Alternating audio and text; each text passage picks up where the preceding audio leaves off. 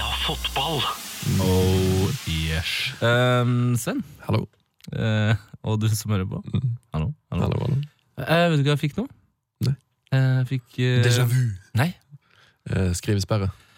Nei, jeg fikk eh, Blodpropp. Nei, men i alle dager, da! Jeg prøver å starte den podkasten her skikkelig koselig. Men jeg fikk eh, sånn her em, adventsstemning. Ja, Så så litt koselig. julekalenderaktig stemning. Ja, Fordi eh, vi skal gjøre noe spesielt. vi skal det. Det er klart for um, diktpod i dag. Det høres litt rart ut, egentlig. Ja, det høres veldig rart ut. Um, Diktpodkast med fotball. ja. Mm. Men jeg tror det kommer til å bli verdt det. altså. Jeg er ganske så sikker. Um, og det er ikke bare en, eh, en spesiell uh, pod fordi at det handler om dikt. Det er jo uh, en meget spesiell podkast fordi vi har med oss en gjest. En Dikter. Dikter, eh, forfatter, levemann, fotballblogger eh, og, Lærer, og god venn av Heia Fotball. Eh, Kenneth Karlsen, god dag. Hallo, hallo. Hvordan går det med han? Går veldig bra. Spesielt nå, da. Får lov å være med på min absolutte favorittpodkast. Det er så hyggelig! Det er, altså, det er jo eh, ekstra hyggelig at min favorittdikter sier det. Så det Kult. Takk. Jeg vet ikke om jeg er verdig den eh, beskrivelsen, men eh, takk skal du ha. Jeg tror ikke Tete har så mange dikter dikt... Hva er dine andre konkurrenter, Tete, av diktere? Av diktere? Mm. Nei Så jeg har hørt om uh... Du har ikke lest noen, men du har hørt om noen? Ja, jeg har Ja, men Da lar vi det ligge. Hva er dine favorittdiktere, Kenneth Karlsen? Eh, må jo være Henrik Ibsen, da, som er nummer én. Mm. Shit! Den burde- jeg sagt det. Den burde du sagt, eh, Tete. Den ligger litt sånn åpenbart i dagen, føler jeg. Eh, nei, jeg vet ikke. André Bjerk, eh, Jan Erik Vold. Det er jo et par stykker. Jan Erik Vold er faktisk min favorittdikter. Ikke sant? Eh, Læreren min på ungdomsskolen bruk- Var Jan Erik Vold læreren din på ungdomsskolen? Nei, men læreren min på ungdomsskolen brukte ofte å kle seg ut som Jan Erik Vold og ta kulturukediktet oh. eh, oppå kateteret for å break the ice. Jeg må si det at faktisk, for å skryte litt av det, da, Kenneth, at jeg har, dikt har alltid vært den sjangeren innen litteraturen som på en måte har brydd meg minst, og den som har plaget meg mest. For jeg syns det er utrolig vanskelig å bli glad i dikt. da. Ja, Det er kanskje det mest uh, utilgjengelige litterære, kanskje. da. Mm. Uh, men det er, det er ikke, jeg vil ikke kalle meg noen dikter, så jeg har jo skrevet, eller gjendikta den Henrik Ibsen sitt dikt, som jo også er et, uh, en historie. Mm. Så det er jo en ganske sånn eh, god historie som er bare fortalt på rim. da. Ja, mm, på nytt iallfall. Du, eller, synes du underselger litt med å bare fortalte på rim, for du har, du har jobba ganske mye med det greiene. Ja, jeg har jobba mye med det, eh, selvfølgelig, men jeg tenkte mer på det, det originale Terje Vigen. Ja.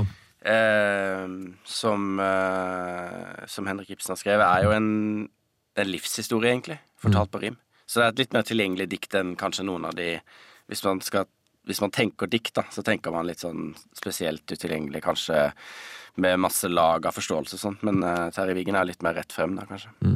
Eh, Det vi skal få høre om en liten stund, er jo da altså et dikt eh, om Drillo, som, er, som du har skrevet. eh, Som er en Ja, det er jo historie om Drillo sitt liv, da. eh, Det er en som- livshistorie. Eh, Som i dette tilfellet da er lest av Jan Petter Saltvedt. Men eh, kan du bare fortelle litt om, eh, om det diktet vi skal høre? Hvor lang tid har du brukt på det, eksempel? Ja, altså, det begynte jo eh, Som dere har nevnt, så har jeg jo en fotballblogg eh, som heter Materazia. Eh, som PT er vel Norges lateste fotballblogg. eh, men eh, vi har eh, Vi starta på Blindern sammen med jeg og en, en kamerat som heter Bjørnar. Eh, og så begynte vi å skrive forskjellige ting om fotball. Vi hadde noen lister og sånn mandagsspalte hvor vi fant frem video fra helga og sånne ting. Eh, og så der eh, en, eller Der skrev jeg et dikt, eh, eller et par dikt. Jeg husker ikke helt hva det var nå, men jeg tror det var noe André Bjerke som er gjendikta om, som handla om fotball. da. Og så sa jeg til Bjørnar at jeg hadde begynt på et eh, nytt dikt, og det var noe helt annet. Men så spurte han bare med en gang er det Terje Vigen. Eh, og så lo vi litt av det. Så jeg bare ja, ja, seriøst, liksom. Og så, så dro jeg hjem, og så klarte liksom ikke å slippe den tanken, da. Og så eh, tenkte jeg at hvis jeg skulle skrive Terje Vignum, da, så begynte jeg å lese litt eh, leste diktet, da. Og så Sånn, og så tenkte jeg hvem skal det handle om? Det må handle om Drillo. Det var liksom helt soleklart at det skulle handle om Drillo. Ikke sant? Han er liksom vår gråsprengte helt. da Det var det første jeg tenkte når jeg hørte den første linja. Ikke sant? Eh, gråsprengte mann, da. Mm. Eh, og så begynte jeg å skrive det, og da var det sånn de første sånn syv-åtte versa kom liksom bare ganske kjapt, da. Eh, det gikk ikke så lang tid. Jeg tror jeg skrev de på en kveld, da. Eh, og da, da var det liksom et mål om å, om å følge Jeg skulle i hvert fall følge verselinjene og enderima samme type eh, rytme, da, som eh, det originale diktet til Henrik Ibsen. Mm. Og så Ja, så gikk det ganske lett i starten. Og så, når jeg først var kommet såpass i gang, da, så ble det jo til at jeg måtte jo på en måte fullføre på et vis. Men dette var jo så langt tilbake som i 2009. 2009! og, så, og så ble jeg jo ikke ferdig før i 2015, fordi jeg skulle egentlig gjøre det ferdig Eller målet var jeg skulle gjøre det ferdig når jeg leverte masteroppgavene. Den leverte jeg i 2011. Men da var på en måte Drillo begynt på sin runde to, da, på landslaget. Ja. Så da, kunne, da måtte jeg liksom spare vers, og da måtte jeg vente med å skrive det ferdig før på en måte den han var ferdig da, som landslagssjef på nytt. Eh, og da, Det skulle jo på en måte krones med VM-deltakelse i Brasil, ikke sant? Den mm. ultimate avslutninga. Men eh, nå ble det ikke sånn, da. Men, Det eh, det ikke. men eh, derfor så tok det veldig lang tid. Og så har vi jo hatt et eh, julebord på denne fotballbloggen hvor jeg har lest eh, nye vers hvert år, da, eller liksom kommet litt flere vers fra 2009 til og med 2015, da, Mm. eh, hvor det ble ferdig. Så, men det, altså, eh, Drillo sin eh, livshistorie har jo på en måte blitt ditt uh, voksne Ditt livsverk. Ja, livsverk, rett og slett. Ja, jeg vet ikke det, men det, det har i hvert fall- vært utrolig gøy, da. Så har jeg fått møte Drillo og, og på en måte Ja, jeg vet ikke. Det, det har bare vært veldig Det har vært veldig rart og veldig gøy. Ja, for du har altså visst eh, Du hadde fått, fått vist diktet til Drillo. Ja, ikke sant, det er jo på en måte en greie i seg sjøl. Det var jo på en måte Eller jeg skulle eh, gi det ut, eller jeg la det skulle legge det ut på bloggen, da. Mm. Og så tenkte jeg at jeg kan ikke gjøre det uten at han har lest det. For det virker litt sånn invaderende, nesten, ikke sant? Selv om jeg har jo ikke Jeg har jo bare brukt åpne kilder. Eh, og veldig mye det eventyret Drillos, den boka som han har skrevet sammen med eh, en som heter Jan Holum, Øyvind Larsen, Sjur Nattvig og Einar Sigmundstad. Det er liksom alle fakta om kamper og sånn, da, for hele karrieren. Lagoppstillinger, ikke sant. Hvem husker at Geir Frigård har vært på landslaget, men han har det og scora. Han er til og med med i diktet, ikke sant. Og så, og så eh, tenkte jeg jeg kan ikke legge det ut før jeg får uh, snakka med Drillo. Så jeg sendte han en mail, da, eller jeg fikk mailadressen hans. Og så sendte han en mail Og det er klart det blir jo en litt sånn lang mail, da, for man må jo først forklare at man ikke er gal, da. Så man må gjøre sitt beste for å forklare at man er egentlig en normal person. Eh, selv om jeg har skrevet dette et dikt om han, da. Ikke sant? Det er jo helt weird. Men ja. Eh, og så skrev jeg, sendte jeg det til han, og så, og så svarte han at han, eh, han var veldig han var kjempeimponert og syntes det var så kult, og så ville han gjerne treffes, da. For han hadde noen innspill, da, som han sa. Han hadde innspill, er, selvfølgelig. så tenk, når du som hører det, så tenker du at det er en klassisk Drillo. ikke sant? Ja. For at det var ikke helt riktig, alt som sto der.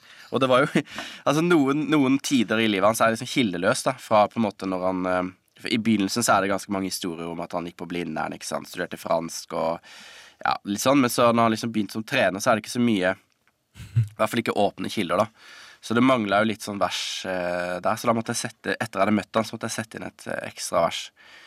Eh, så det ble mitt Altså det, dette Terje Vigen som jeg har skrevet, er 44 vers, mens det originale er 43. Fordi jeg var jo egentlig ferdig når jeg sendte det til han. Så, så Drillo har ghostwrita et eget vers. Ja, har, ja, ja, han har på en måte ikke ghost Ja, han har nesten det, da. Men han har i hvert fall litt mer, mer sånn uh, innspill. For han har brukt et så veldig fint uttrykk Ja. som jeg måtte, følte jeg måtte Måtte bruke det Gagarin-fotball. Ja. Eh, at liksom eh, De på midtbanen De kalte det for Det var en eller annen sentral midtbane som kalte det for Gagarin-fotball. For han sto bare og kikka på himmelen. Eh, fordi at han fikk ikke aldri ballen, ikke sant? for det gikk fra forsvar til angrep. Så der var liksom starten på Flo-passingen, tror jeg, da. Men eh, liksom ikke helt sånn Ja, jeg tror det var liksom starten på i hvert fall Drillos Flo-pasning. da. Så vet jeg at Jostein Flo hevder jo at den starta i Sogndal med han og broren. og litt forskjellig sånn. Så det er kanskje det Det var er kanskje, fortsatt en, en åpen debatt. Ja, det var kanskje liksom parallelle diskusjoner som gikk der. Men altså, eh, Gagarin, det er jo altså den her Juri Gagarin Det er han første, det første, Første mann i verdensrommet, ja. Ikke sant? eh, Russer. Så det uttrykket syntes jeg var så kult, da. Så da følte jeg at jeg måtte skrive et vers til. Og så, og så fortalte han meg litt liksom, at han var i, i Frigg og eh, At han var i østsiden og Fossum og rykka opp og ned og sånne ting. Da, sånn at da tenkte jeg at det, det passer greit. Jeg kan, kan klare å få det til. Eh, og så var det også Han sa det sånn Irak, da. Det var også veldig gøy, for han sa at eh, For jeg hadde skrevet at eh, at de ikke skjønte soneforsvar. Det var derfor han måtte slutte. Så da var han liksom Nei, det var ikke riktig, da. Jeg Ble det for flåsete? Liksom? ja, ja, det var litt, jeg følte det litt sånn det kan bare stå, det gjør ingenting, men det er på en måte ikke riktig.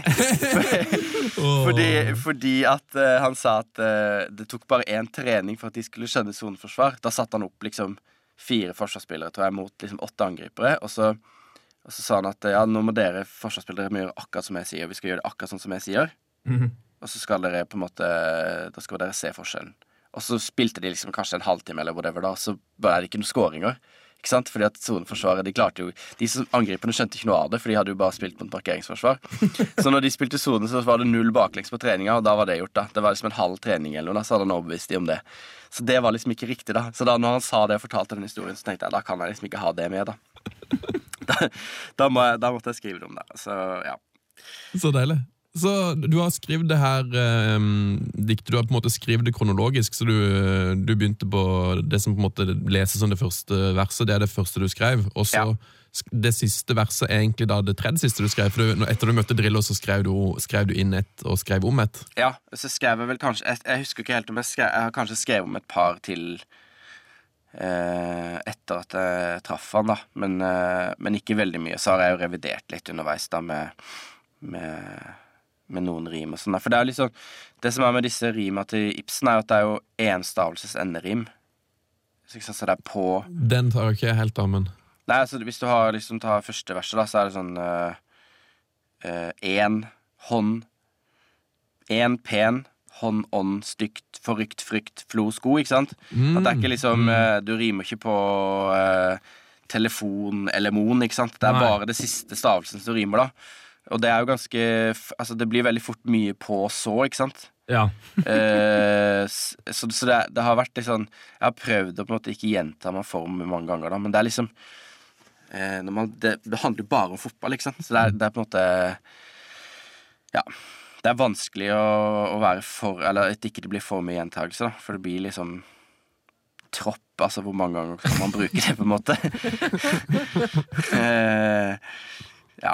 Men altså, du eh, har jo hørt eh, det diktet her, og du har jo absolutt eh, naila det. Jeg ser jo på Wikipedia så står det at Terje Vigen er et episk dikt. Og det, Ja. er jo, og det er jo det som Det er det jeg kanskje liker mest med det her eh, Drillo-diktet, at det, det føles litt som å, å, å se en film. Det er, det er veldig sånn uh, filmatisk. det er litt sånn Lord of the Rings, uh, se alle filmene på en kveld. Ja, altså, det, det er veldig gøy. Det er veldig kult å ha gjort det. Og det er, men altså, hvis man har hørt altså, Terje Vigen, det selve diktet, da. Hvis man ikke har hørt det, Mm. uh, man, eller ikke har lest det, da, og man har lyst til å få en opplevelse av diktet eh, utover å på en måte bare lese det, så anbefaler jeg å høre på Helge Jordal. Eh, det ligger på Spotify, faktisk. Eh, Helge Jordal som leser hele diktet, akkompagnert av Ivar Bøksle sin musikk. Åh, Ivar Bøksle. Ja, og det, det, det er bare helt Ja, det er så bra, det. Det er bare permanent gåsehud. Og er, han har laga en sånn overtyre som måtte går igjen, da. Som er liksom jeg vet ikke, Vigens låt, da. Den er bare helt eh, Altså, du, ja, jeg anbefaler det. For hvis man har lyst på en måte et et, et, eh, et innblikk i diktet og, og en få en feeling med på kjøpet, da. Ikke bare lese orda, som jo i seg selv er ganske kult. Og det å finne opp det om Altså, jeg har jo ikke funnet opp noe. Jeg har jo bare satt ting sammen. Altså la, satt en historie sammen på rim.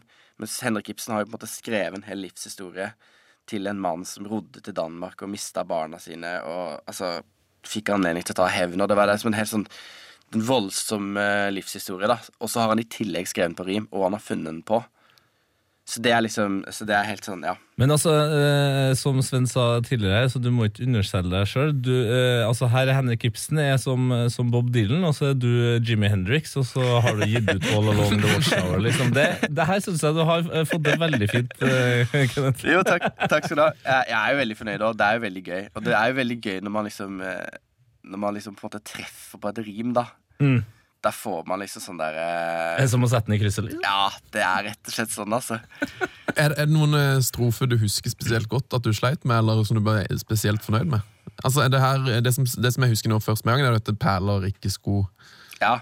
Som er Altså, det første. første- Det første verset kom veldig kjapt. Det var liksom da, Når, jeg, når det, det satt så ganske Det kom ganske kjapt. Og så har jeg jo Jeg har brukt en del eh, Så noen vers Jeg har tatt vers for vers når jeg har lest uh, Terje Vigen, og så har jeg skrevet mitt, Mm. mitt vers. da Så jeg har prøvd å altså, På noen så har jeg liksom uh, uh stjålet noen ord, da. For de som har lest Terje Vigen, så kjenner de det igjen, men uh, det er ikke så lett, da. Men sånn som Skal vi se Så lakket og lede mot 91. Altså der, så lakket og led er, eh, er en Er fra det verset, da. I eh, Så jeg speila det på en måte litt. ja, speilet, jeg speila litt eh, en del ting. Så gav han seg, så gav han seg trøst i lykken i vold. Vi drømte om USA. Så gav han seg trøst i lykken i vold. Det er også starten på det verset til, til Vigen, da. så Så, så det er bra. Men det kuleste Det kuleste verset er nok eh, Eller de, de kuleste er nok eh, fra Marseille, altså. Og når vi Når vi på en måte Når vi slo Brasil og, og den, den biten der, da. Mm.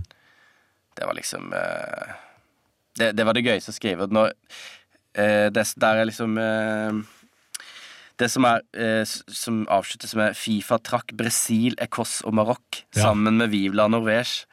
Eh, av Brasil kan Egil aldri få nok. Kunne de frembringe enda et sjokk i Marseilles egen sirkusmanesje? Det, det er kanskje det var, det var så fett når jeg liksom Når jeg, for jeg googla eller måtte jeg finne ut av hvordan jeg kunne få inn manesj, da. Ja. Og der er jeg jo litt sånn derre Norvège, manesj ah, Ja, det er jo esh, esh, da. Det er jo jeg er litt sånn på kanten av med rima, da. Men det er liksom eh, Det var veldig gøy. Det, det husker jeg jobba lenge med, akkurat de fire linjene der. Sirkusmanesj, det er liksom et kult eh, bilde på Marseille sin hjemmebane. Der nede ble velodrom, Stad Velodrom. Mm. Ja, galskapen i situasjonen. Ja, og liksom. liksom hele opplegget der nede. Også det Det verset når, eh, når Rekdal scorer på straffe nå, er liksom Ja. Gåsehud. Ja, det, det er skikkelig gøy. Ja. Det var veldig gøy å treffe godt på de, da. Du føler liksom at det er uh, Ja, det er- morsomt. føles litt som Rekdal. Det er liksom Du fikk satt han død. Ja, den, den, den satt, da. Hadde du gule sko når du skrev noe av dette diktet? Nei, det tror jeg faktisk ikke. Ja, det, men det er faktisk en ting jeg ofte glemmer, at, eh, at Rekdal uh, ofte hadde på seg de her gule skoene, og da spesielt under uh, straffemålet der. Det, det, ja, det er jo det er liksom merkelig, det òg. Hvorfor har han på seg gule sko? Altså, det, jeg føler at han er egentlig Rekdal han gir faen, han. Ja, Men han er jo egentlig en veldig sånn svart skomann. jeg, er litt enig. han er en fyr som kunne klikka på de greiene der, og så Ja. har han gule sko sjøl. Det er veldig Det er litt spesielt, faktisk. Ja, og så er det eh, veldig altså, ekstra spesielt at han liksom har det på seg mot Brasil. ja, ikke sant? Eh, Kenneth Karlsen, Yes. det er på tide å eh, at vi trekker ut av manesjen eh, og gir Yes. eh, ordet til Jan Petter Saltvedt, som vi må takke flerfoldige ganger. Ja. Som har vært så grei og kollegial og lest inn dette diktet for oss. Lånt bort NRKs fineste e episke stemme. En av NRKs, eller en av verdens vakreste stemmer, vil jeg si. Ja, jeg vil også bare si takk til det, altså. For det syns jeg er veldig flott. Utrolig gøy at han har gjort det. Og det er veldig Ja. Det gir det liksom en ekstra schwung, da. Han har liksom den formidlerstemmen som er eh, ja, Ja, den, eh, veldig bra. Vi, vi lener oss tilbake. Uh, hva, det har jeg egentlig aldri helt tenkt på. Hva heter diktet? Det heter Egil Olsen. Det heter Egil Olsen, Selvfølgelig. selvfølgelig. Uh, ja, så vil du bare introdusere diktet, så setter vi i gang? Skal jeg gjøre det? Ja. Det er ditt dikt. Ok. Da sier jeg bare at vær så god til eh, Jan Petter Saltvedt og eh, Kenneth Carlsens versjon av Terje Wiggen, nemlig Egil Olsen.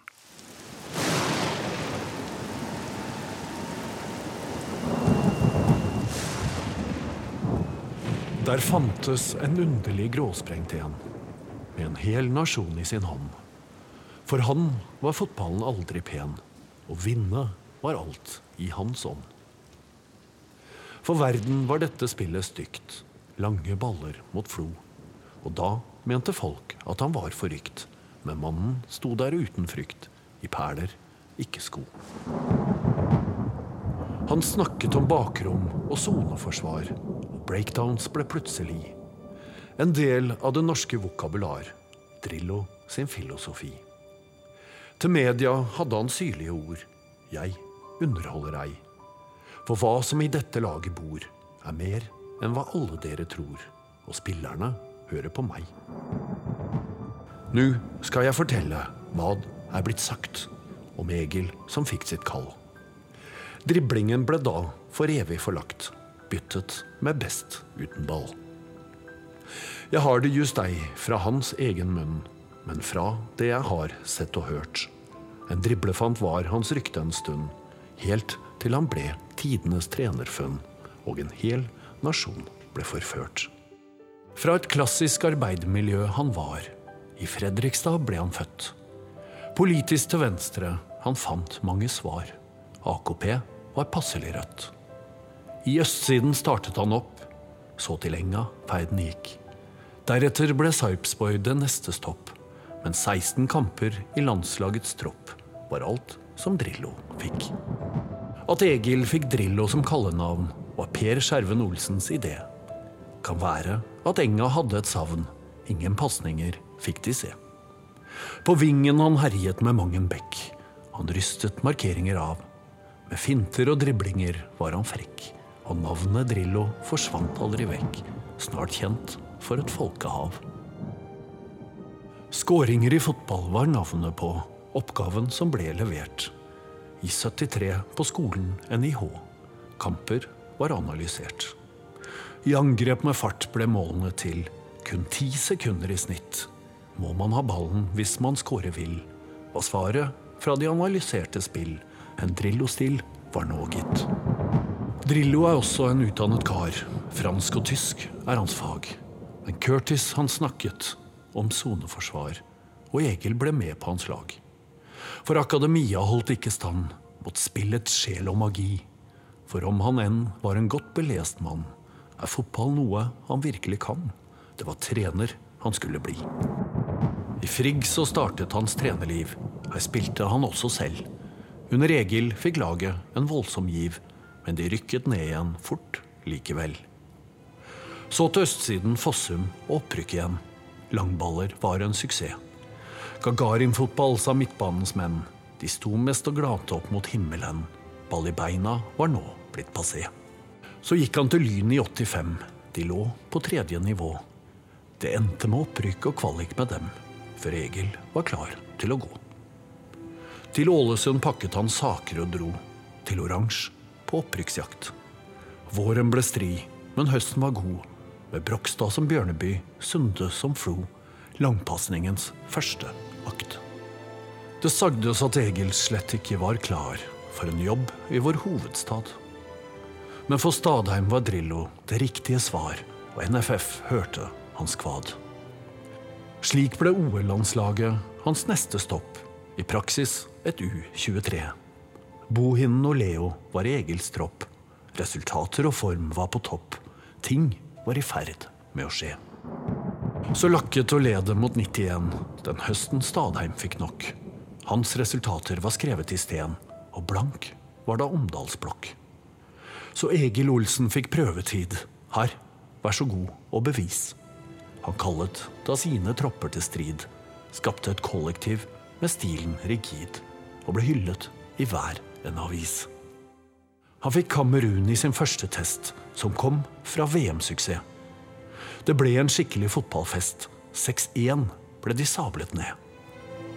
Fansen trodde nok knapt det de så. Et landslag som endelig vant. Flagg på flagg, røde, hvite og blå, som ærefullt vaiet på store stå. For godt til å være sant.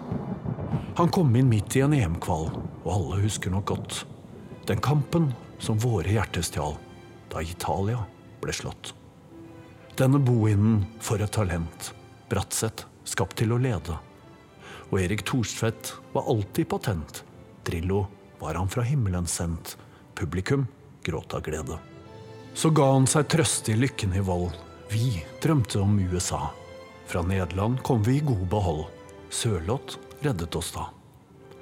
Så til oktober i 92, på Wembley mot Englands menn. De hadde Gassa og Platt og co. Men Rekdal visste hvor målet det sto, og Woods kunne aldri nå den. Ball i returrommet. Der er Rekdal. Og der er skuddet! Har dere sett på baken? Det er 1-1, og det er et av de flotteste, vakreste målene jeg har sett av Kjetil Rekdal. Og det er balanse, det er 1-1. Jeg har ikke sett på maken til flott skåring på Wembley siden Gassa skåret her i semifinalen. En utrolig skåring av Kjetil Rekdal. Mot San Marino skåret vi ti. Fjetret satt vi og så. Et hat trick av Halle uvirkelig. Det var umulig å spå. Kvalifiseringen kom godt i gang. De andre lagene slet. Helt siden Stadheim sin svanesang hadde landslaget tatt tigersprang, og nå lå Norge i tet. I Polen ble siste hinder passert. Drillo var nå blitt vår gud. Med en stil som ikke var akseptert, ga han landet vårt gåsehud. Det som huskes best fra kampen vi vant, var Fjørtoft sitt vakre mål. En overstegsfinte, og keeper forsvant. Jan Åge han gjorde det så elegant, iskald og sleip som en ål. Vi vant vår pulje med 16 poeng, foran mang en fotballstormakt. De skalv før møtet med Olsen sin gjeng. Alle endte de opp som slakt.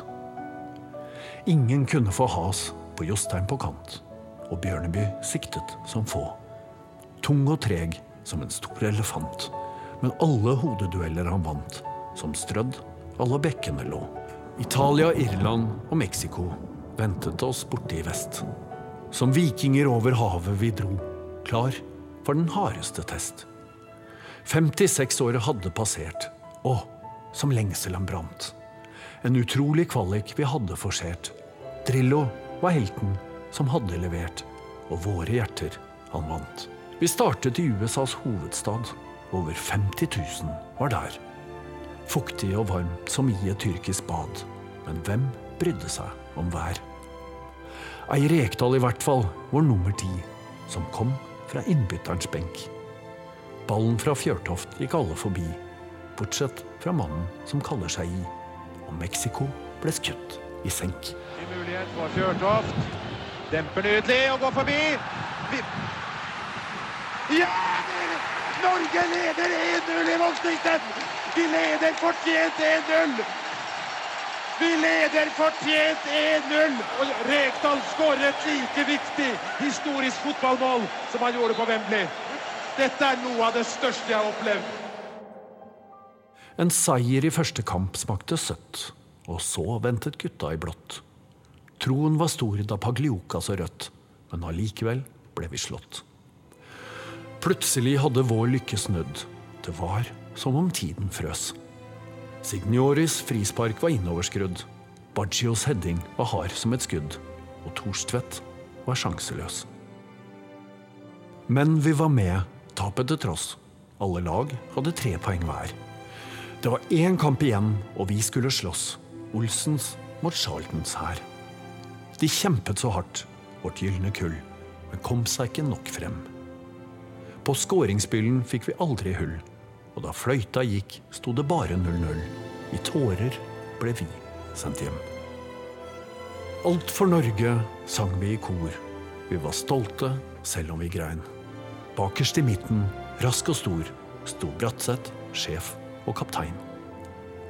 Nå hadde han klarert sin siste ball og taklet sin siste spiss. Var dette starten på Drillos fall? Eller ville en ny kaptein få sitt kall? I luften lå mange viss. En ny kvalik på trappene mot 96 kunne laget følge opp. Europa hadde jo Norgekompleks. Forventninger var på topp. I vår første kamp ventet Hviterussland. Vi stanget mot deres mur.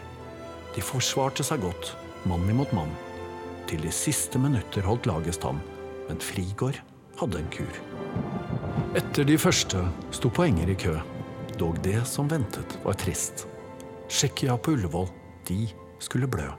Men det ble til slutt de som lo sist. Sukoparek puttet 1-1. Det ble. En liten frykt var nå sådd. Så dro vi til Praha, ble dømt nord og ned. Deretter Holland, og de skåret tre. Og en hel nasjon var forsmådd. Vi ble hjemme da fotball dro hjem. Men Drillo signerte på nytt.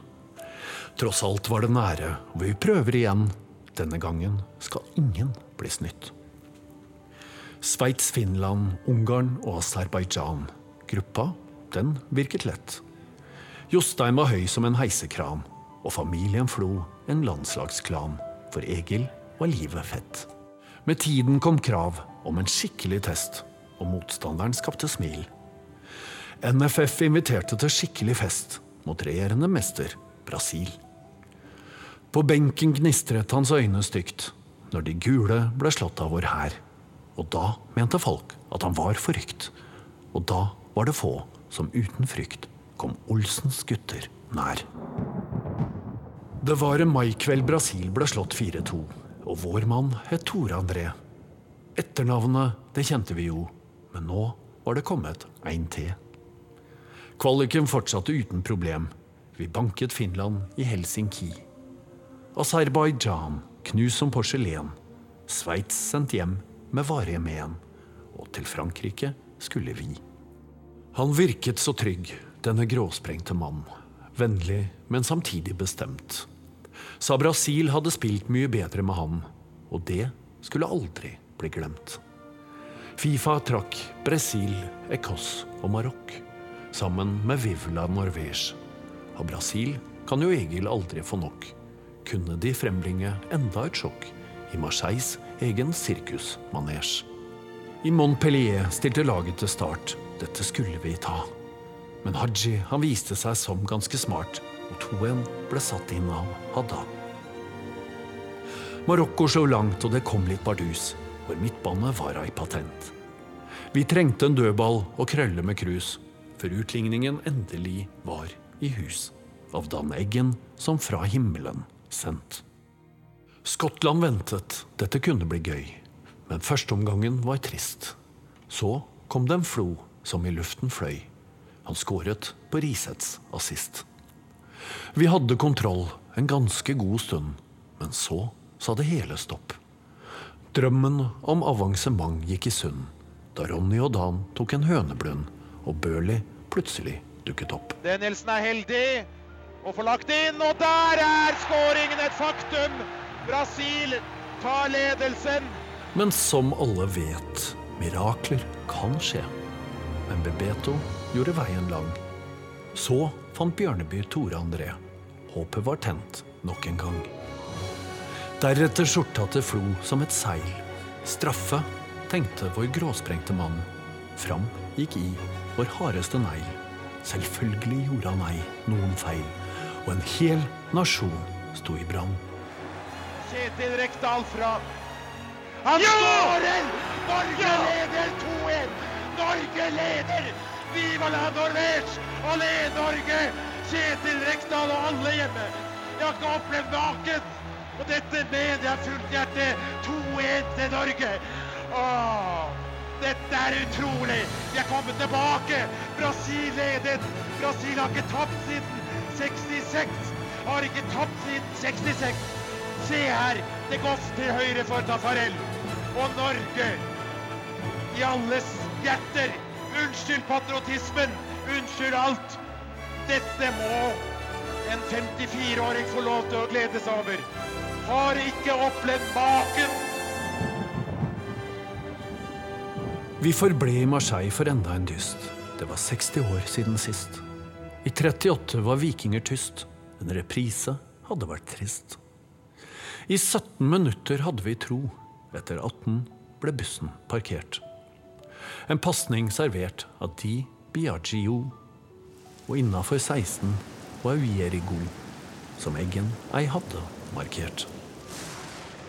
En æra var over da Norge dro hjem. Den gråsprengte sa sitt adjø.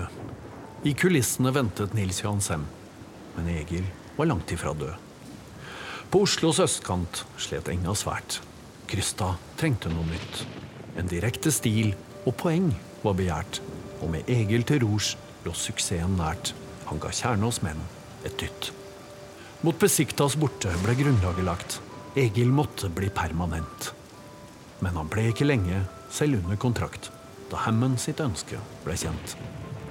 The Crazy Gang trengte en leder i strid, og skeptiske Jones til tross.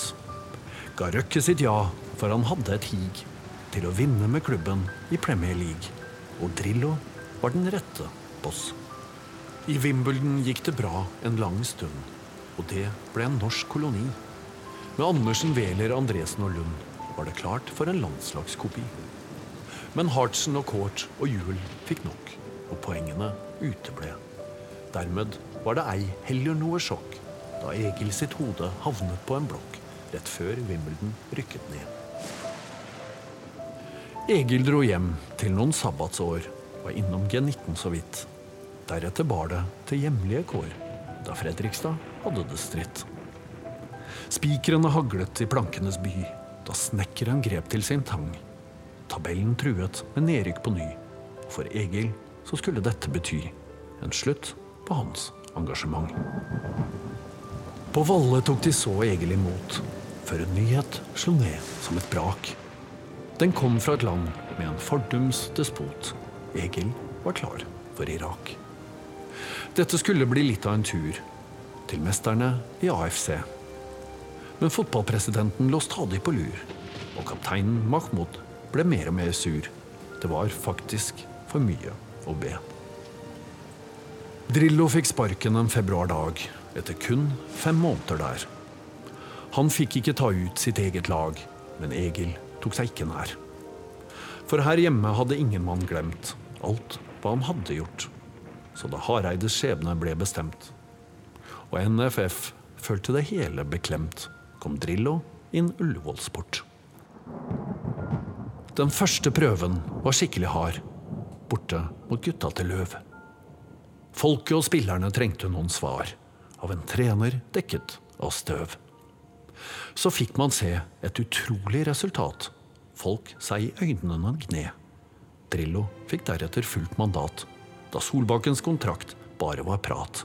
Oppslutningen var bred. Da kvaliken kom, var hver mann frelst. På ny skapte Drillo haus. Her var fortsatt de gamle eldst. Enhver kritiker var nå taus. Island, Danmark og Portugal, samt Kypros i gruppe H. En jevn og tett europakval. Felt av målforskjell som var skral. Ei til EM skulle vi gå. Men Egil fikk tillit frem mot Brasil. Det var ingen alternativ. Litt løsere i sin spillestil hadde han mistet sin giv. Laget reiste til Reykjavik, og det gikk trått fra første minutt. 0-2 i sekken og ramaskrik. Det skulle jo ikke starte slik. Stemningen etterpå var mutt. Hadde Drillo endelig mistet sin makt, laget virket utilpass. Resultater ba bud om en siste akt, uten skål i champagneglass. Det murret i Norges Fotballforbund. Egil hadde ikke prestert. Tapet mot Sveits ga dem en grunn, da drømmen om spill i Brasil gikk i sund, og avskjeden ble levert. Slik gikk det til at for siste gang han satt ved pressens bord, flankert av Høgmo, dette oste av tvang. Han sa ikke mange ord. Folket var veldig ambivalent. Hans tid var kanskje forbi. Men var han ikke fra himmelen sendt? En legende som dette ei hadde fortjent. Det var mange på Egils parti. Vi skylder ham mye, den gråsprengte mannen. for den pioneren han er. Det er ingen norsk trener som noen gang kan komme Egil Olsen nær. For verden var dette spillet stygt, lange baller mot flo. Og da mente folk at han var forrykt, men mannen sto der uten frykt, i perler, ikke sko. Han skårer! Norge leder 2-1! Norge leder! Viva la Norwich! Allé Norge! Kjetil Rekdal og alle hjemme. Jeg har ikke opplevd maken! Og dette mener jeg fullt hjerte.